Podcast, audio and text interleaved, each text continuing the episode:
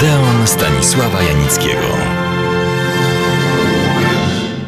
To nieuchronne.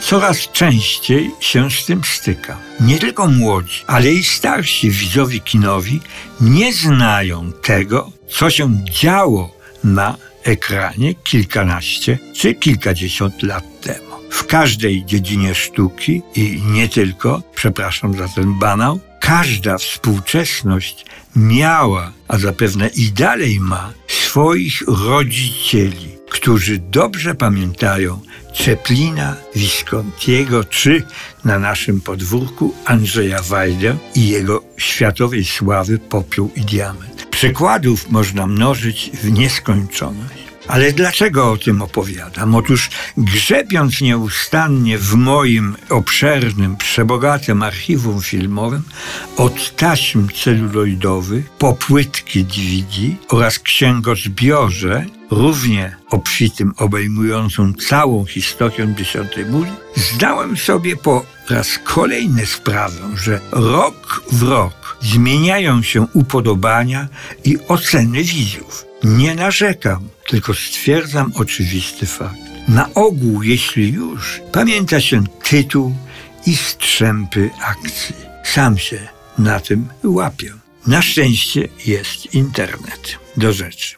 Kilka tygodni temu chciałem przypomnieć i opisać jedno z arcydzieł światowego kina, którym jest, nie tylko moim zdaniem, włoska La Strada. Od niej zaczęła się wielka sława Federico Felliniego, arcydzieło w skali światowej. Postanowiłem przypomnieć szanownym słuchaczom Odeonu ten niezwykły film, ale w sposób nietuzinkowy. Znalazłem bowiem w roczniku naszego tygodnika film, w którym notabene wtedy, przed laty, pracowałem. Ważna informacja. To była zachęta, żeby nie powiedzieć reklama, do obejrzenia nowego, nikomu wtedy jeszcze nieznanego filmu. Nawet ci, którzy filmem zawodowo się zajmowali, nie przewidywali wtedy, jakiej klasy to jest film. Zdawaliśmy sobie jednak sprawę, że jest to film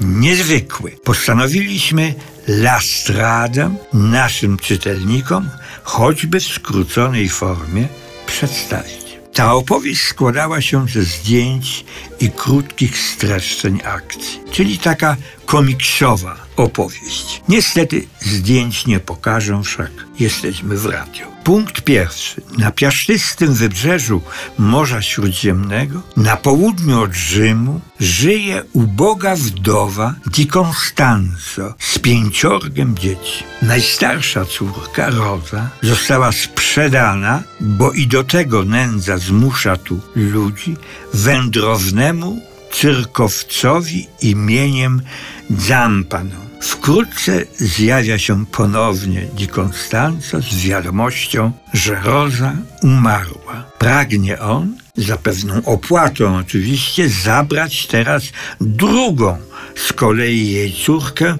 Gelsominę. Gelsomina jest wprawdzie umysłowo niedorozwinięta, ale Zampano nawet psy wyuczy czego chce. Kupuje więc Gelsominę i w taki sposób staje się ona dosłownie jego własnością. Popisowy numer Zampano, człowieka o niezwykłej sile, to rozrywanie łańcuchów. Wzbudza to wielkie zainteresowanie zarówno małomiasteczkowych widzów, jak i jego małej partnerki. Powodzeniem cieszy się również numer parodystyczny w wykonaniu całego zespołu. Tego dnia szczęście sprzyjało naszym cyrkowcom. Szczerze popłynęły datki od przygodnej publiczności.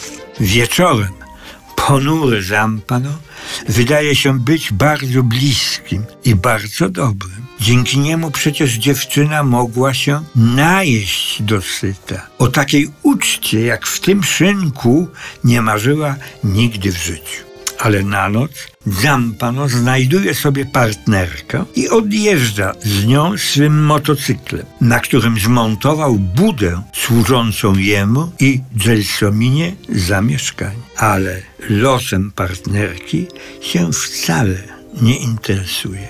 Gelsomina spędziła noc na ulicy.